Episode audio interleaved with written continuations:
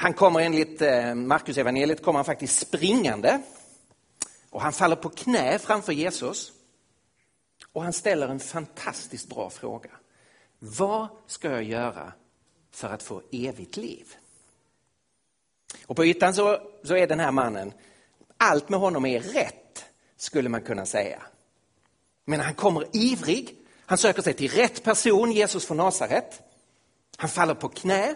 Han ställer den bästa frågan en människa kan ställa.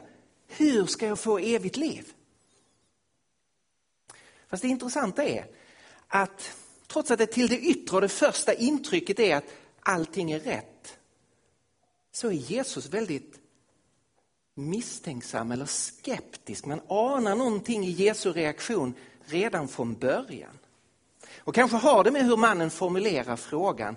Han frågar så här, vad gott ska jag göra för att få evigt liv? Och Jesus börjar inte med att svara på frågan utan ställer som en motfråga. För han har formulerat så här, gode mästare, vad gott ska jag göra för att få evigt liv? Och Jesus frågar, varför kallar du mig god? Det är bara Gud som är god. Och Det är som om Jesus vill börja tvinga den här mannen att reflektera, tänka över sina formuleringar. Att inte bara säga en massa bra saker utan fundera på hur hänger det här ihop i hans eget liv? Jesus fortsätter att säga, följ buden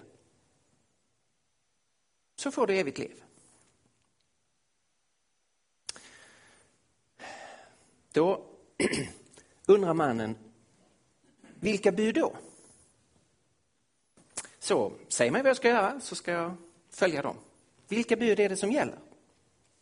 Och så kommer en dialog som blir som en, man kan säga som en röntgenapparat som avslöjar den här mannen. Jesu första intryck, alltså att det är någonting som inte är rätt med den här mannen. Hans fråga är egentligen inte autentisk. Det där visar sig vara rätt. Så mannen frågar, eh, vilka bud? Och Jesus räknar upp ett antal av buden. Du ska inte dräpa. Du ska inte begå äktenskapsbrott, du ska inte stjäla, du ska inte eh, bära falskt vittnesbörd. Och du ska hedra din far och din mor. Det är bud 5, 6, 7, 8 och bud 4. Ja, det är bud från vad vi kallar för den andra tavlan, hur du relaterar till dina medmänniskor. Och Jesus lägger till sammanfattningen från tredje Mosebok och du ska älska din nästa som dig själv. Det är ju det de här buden konkretiserar på olika punkter. Att du ska älska din nästa. Så du ska älska din nästa som dig själv. Och då svarar mannen. Allt detta har jag hållit. Okej. Okay. Här visar sig ju att Jesu intryck från början är helt riktigt. Den här mannen har inte tänkt igenom någonting. Han menar på fullt allvar att han har hållit de här buden. Han måste ju mena att han i någon sorts yttre mening, det är klart jag har inte mördat någon. Nej, men jag har inte skilt mig från min fru. Nej, men jag har inte, alltså i den meningen har han hållit buden. Men han har inte reflekterat djupare över vad är den fulla innebörden av Guds bud. Och han har ju absolut inte funderat på att älska sin nästa som sig själv. Vem kan tänka om sitt eget liv och säga, jag har aldrig satt mig själv framför en medmänniska? Då har man en ganska patetisk självinsikt, eller hur? Om man skulle säga, jo men jag har älskat min nästa på samma sätt som jag har älskat mig själv. Men det är vad den här mannen faktiskt säger.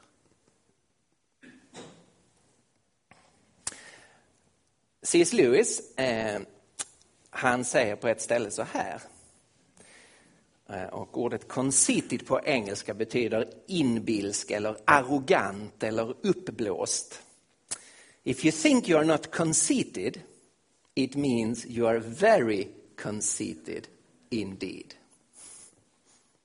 Jag undrar om inte det ligger någonting i det när det gäller den här mannen. Okej, okay, vad ska nu Jesus göra? Han har tagit alla buden från den andra tavlan, hur vi relaterar till varandra. Och den här mannen menar att han har hållit de buden. Man skulle kunna tänka sig att det logiska då för Jesus vore ju att säga okej, okay, men vi har också de buden på lagens första tavla, det som relaterar direkt till Gud. Att du ska inte ha några andra gud, gudar än den levande guden. Du ska älska Gud över allting. Och du ska hålla hans namn heligt och, och, och eh, du ska helga den dag som han har eh, instiftat. Så, så, logiken vore här att Jesus tog, och sen har vi de här buden. Men det är klart, Jesus har ju insett att den här mannen förmår ju inte reflektera kring de här buden. Så då väljer Jesus att skriva om det första budet. Du ska inga andra gudar ha jämte mig. Och konkretisera det för den här rike mannen. Så han säger, ett fattas dig. Gå och sälj allt du äger och ge till de fattiga och följ mig. Och då går budskapet hem. Därför att i verkligheten så är ju mannen, han dyrkar sig själv och sin egen rikedom. Det är hans Gud. Hade Jesus sagt, ja men följ nu det första budet, du ska inga andra gudar ha jämte mig. Då hade ju den här mannen tänkt, ja men det har jag följt. Jag har aldrig tillbett i ett romerskt tempel. Jag har inte hyllat Zeus eller någon av de andra gudarna. Så det hade ju inte hjälpt mannen, därför skriver Jesus om budet så att det drabbar honom. Och där han måste då i så fall erkänna att han har inte hållit buden. Och det tvingas han ju göra här. Han vill inte sätta Gud främst och han går bedrövad bort. Poängen här blir ju då när vi lyssnar till den berättelsen, det är att du kan inte få evigt liv förrän du erkänner ditt misslyckande. Att man inte har hållit buden. Och Det är därför som Jesus i den här dialogen inte ger mannen nåd. Och notera hur snabba vi är att vi vill gärna ge nåd åt människor. Och det är klart, nåden är det grundläggande i kristendomen. Men om du inte först har drabbats av lagen så du inser att du behöver nåden, så får nåden ingen betydelse i ditt liv. Och därför predikar ju Jesus lag här för att utmana mannen, skaka om honom, få honom att se verkligheten. Att han behöver Guds nåd och inte längre kan tänka vad gott ska jag göra för att kunna få evigt liv. Kristen tro börjar med att man erkänner sitt eget misslyckande. Och för det andra man kan inte få evigt liv förrän man avsäger sig sin egen autonomi. Det är ett fint ord för självbestämmande. Det här är ju ett av den västerländska kulturens värderingar som vi sätter högst. Att jag bestämmer allt i mitt liv. Vi vill vara autonoma. Men om Gud finns så kan det inte vara det högsta värdet. Utan man måste böja sig under det faktum att Gud är Gud och jag är inte Gud. Och man måste erkänna att han är skapare och han har makten och rätten över mig. Och jag är en skapad varelse som finns till för att följa honom och lyda honom. Och sen är det inget kränkande eller förminskande för mig därför att han är en god skapare. Och att underordna sig honom är att man själv kommer till sin fulla rätt. Förstås. Den som tillhör Jesus måste låta sig ledas av Jesus. Den urkristna bekännelsen är ju Jesus är Herre och jag är inte längre Herre över mitt eget liv. Och den här mannen som då kommer och frågar om evigt liv, han vill inte erkänna att han själv har brutit mot Guds vilja och han vill inte låta Jesu ord vägleda honom. Så han går sorgsen bort och klamrar sig fast vid, sin egen, vid sitt eget liv, vid sin egen rikedom. Han är full av sig själv och kan därför inte ta emot det som Jesus vill ge honom.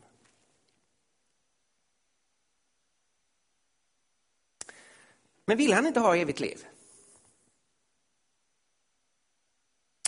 Och det kanske han ville. Jag tror de, de flesta människor tänker så här, ja men liv är ju bättre än död. Så det är klart att man vill ha någonting som är bra istället för någonting som är dåligt.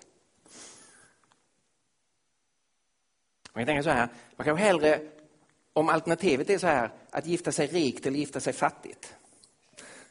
Ja, det är klart de flesta skulle säga, okej okay, om det är valet, om det är det enda liksom, kategorin, nej, det är väl bättre att gifta sig rikt än att gifta sig fattigt. Men så är det ju en faktor till. Nämligen vem du gifter dig med. Eller hur? Och det kan ju vara så att en person som har väldigt mycket ägodelar, det är fortfarande så att du skulle inte vilja att hela ditt liv för all framtid förenades med den personen.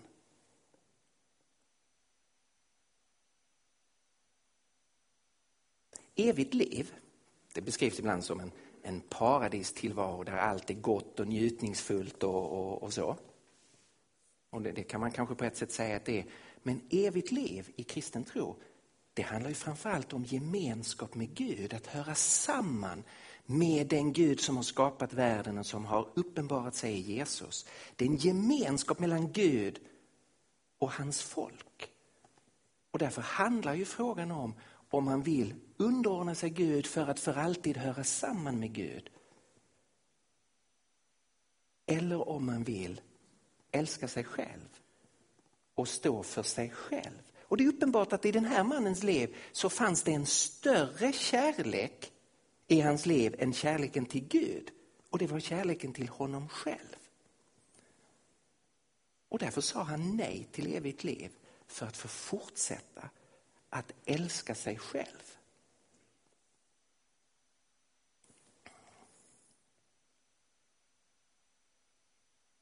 Här sätter Jesus upp starka kontraster. Tidigare i Matteusevangeliet har han sagt den som finner sitt liv ska mista det. Den här rike mannen tänkte säkert jag har funnit livet, jag har lyckats. Han hade status, han hade pengar, han hade möjligheter. Jag har funnit livet.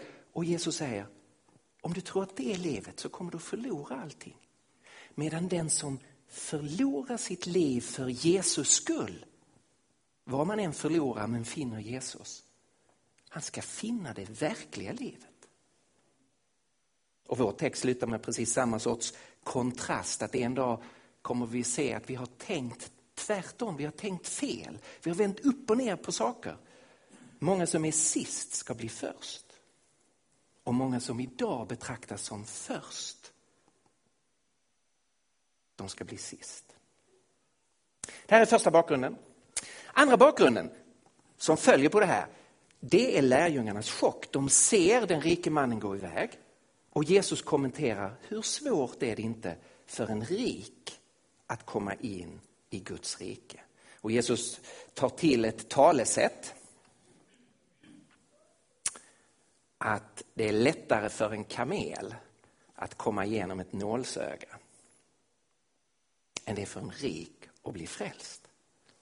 Och det var ett judiskt talesätt som ju poängen är, det är helt omöjligt. Du kan inte pressa igenom en, en kamel genom ett nålsöga. Så Jesus säger, det, det är omöjligt. Och lärjungarna säger, men vem kan då bli frälst?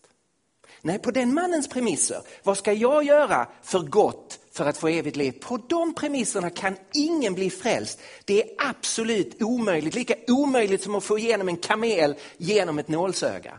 Det är uteslutet, den dörren är stängd. Det går inte. Och Jesus markerar detta. Det är omöjligt för människor att skapa sin frälsning. Och Det är därför som alla världens religioner är dödfödda projekt. Där människan ska försöka på olika sätt att vinna sin frälsning. Och det är återvändsgränder, det går inte. För människor är det omöjligt. Men, lägger Jesus till, för Gud är allting möjligt. Och hela Jesu verksamhet och hela hans undervisning, det går ju ut på att Gud från sin sida öppnar en väg för oss och Gud ger människan frälsning. Och den bygger inte på vad gott vi gör för att förtjäna evigt liv. Det bygger på det som Jesus har gjort. Frälsningen är möjlig därför att den är ett Guds verk. Och den är ett Guds verk rakt igenom. Frälsningen är någonting som först sker utanför oss genom att Kristus dör för oss. Och sen är frälsningen ett verk som sker i oss, men det sker genom Kristi ande som börjar förändra oss. Och därför är frälsningen rakt igenom ett Guds verk. Vad Gud gör utanför oss genom Jesu död och uppståndelse och vad Gud gör i oss genom sin ande.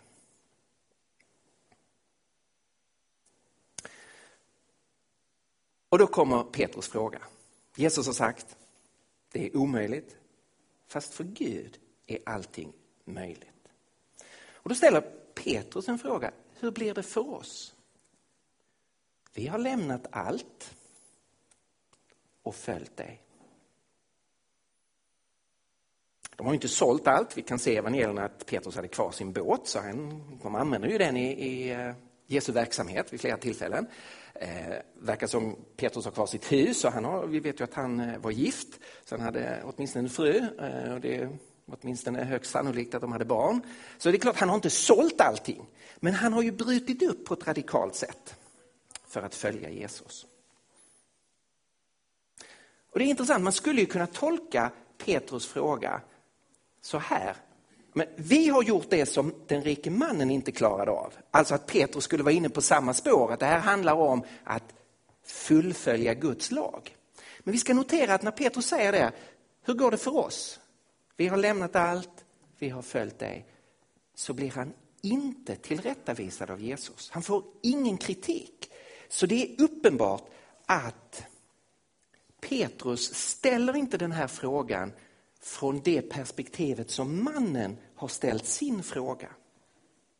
Petrus lägger inte sitt uppbrott från rollen som fiskare som grund för sin frälsning. Men han konstaterar, vi har sagt ja till din kallelse, vi har lämnat allt och vi följer dig. Men det sker utifrån en position där de har erkänt att de behöver Jesus och där de är villiga att ledas av Jesus. Självklart har de jättemycket kvar att upptäcka och förstå. Vi kan se att, att Petrus kan fortfarande vara ganska full av sig själv. Lite längre fram kommer han ju säga om alla andra sviker. Jesus, du kan lita på mig, jag ska aldrig svika dig. Och sen sviker han honom. Men han är ju beredd att erkänna sitt svek. Han gråter över det och blir upprättad av Jesus. Så visst, de har mycket att lära, mycket att förstå. Ännu har Jesus inte dött och uppstått. Han har börjat tala om att han ska dö, men lärjungarna har svårt att ta in det. Så visst, de har en lång väg kvar i sitt lärjungaskap. Men frågan är ställd utifrån att de tillhör Jesus, har ödmjukat sig under Jesus och följer honom. Så hur ska det gå för oss? Och det talas om de tolv. Vi ska notera att vid det här tillfället så finns ju Judas där i gruppen.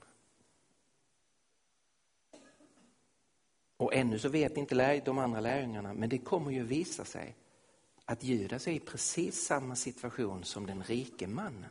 Han är full av sig själv, han har sig själv främst. Han följer Jesus inte därför att han har ödmjukat sig under honom för att han behöver Jesu nåd och att han vill följa honom, utan av andra skäl. Och hans yttersta kärlek verkar vara pengar, precis som för den rike mannen. Han blev utsedd att vara kassör i det här gänget och, och ta hand om Jesu och lärjungarnas kassa. De hade en gemensam kassa, de behövde ju köpa mat och, och, och förnödenheter. Och Judas hade hand om det. Men han förskingrade, han tog för egen del. Och i slutändan väljer han att sälja Jesus för pengar. Så den rike mannen och Judas är två tragiska paralleller. Men de andra befinner sig i en annan situation. Och då svarar Jesus. Hur ska det gå för oss, säger Petrus. Och Jesus svar är tre korta saker vi ska titta på. Han talar om en tidpunkt, han talar om en händelse och han talar om ett arv.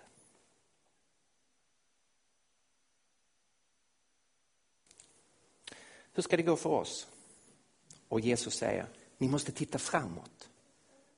Det kommer en dag vid världens återfödelse.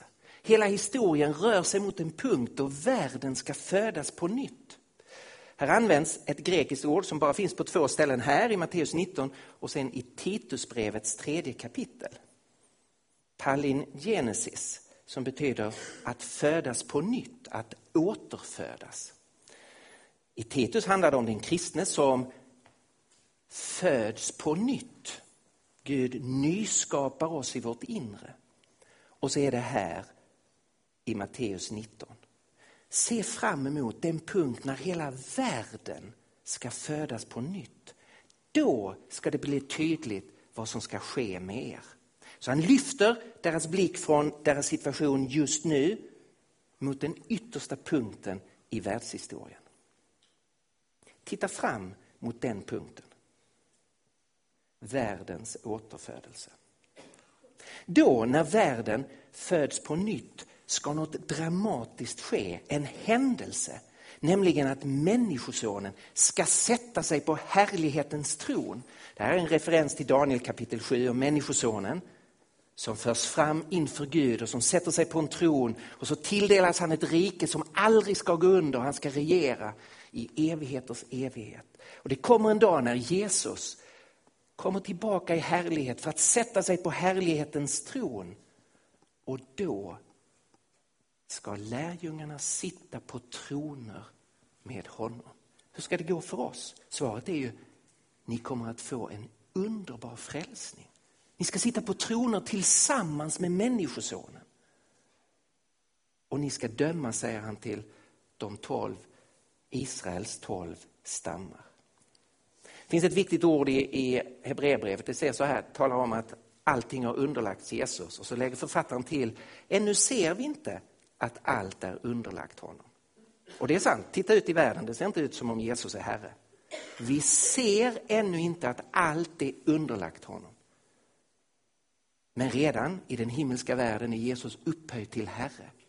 Och vi väntar på den dagen då det ska bli synligt på varje punkt i universum att Jesus är Herre.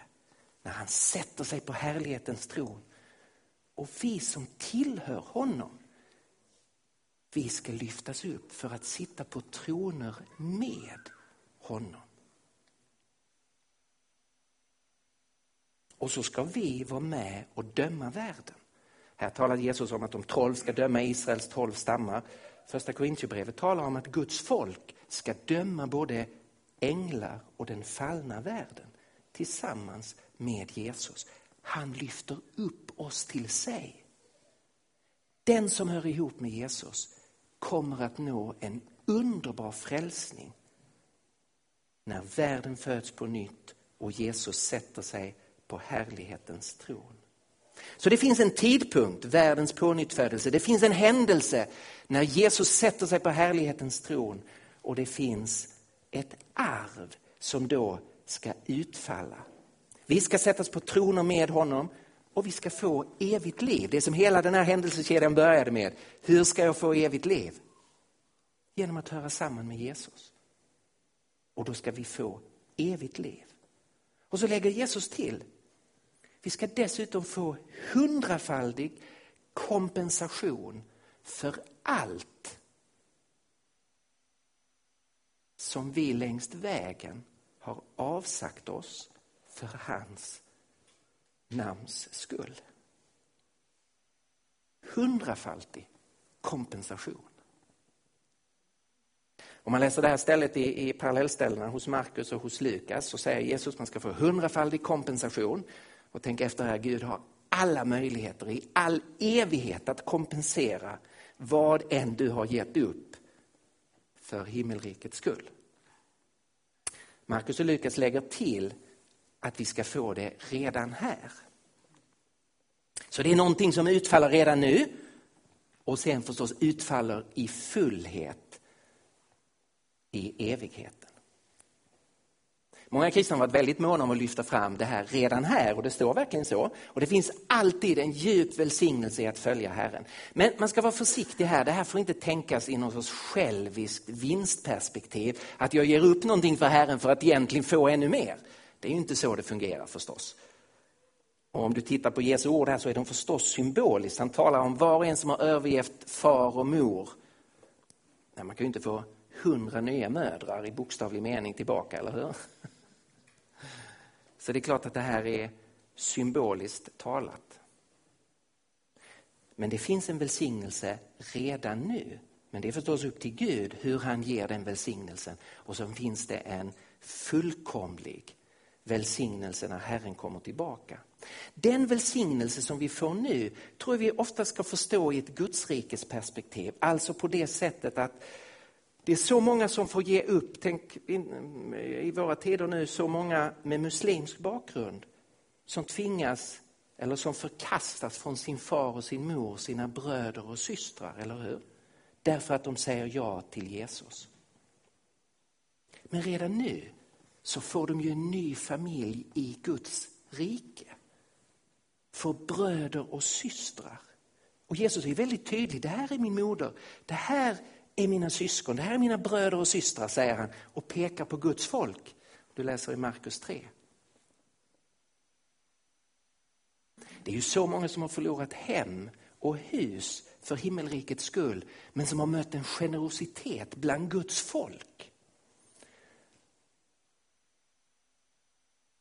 Så Jesus svar på Petrus fråga, det är se fram emot tidpunkten när världen föds på nytt. Se fram emot den dag då Jesus sätter sig på härlighetens tron och upphöjer er. Se fram emot det eviga livet och den fullständiga kompensationen du ska få för allt du har förlorat längs vägen. Och därför är det här en söndag som sätter vårt fokus på det långa perspektivet. Det har vi lite svårt för i vår tid. Vi är väldigt fokuserade vid nuet. Hur känns det nu?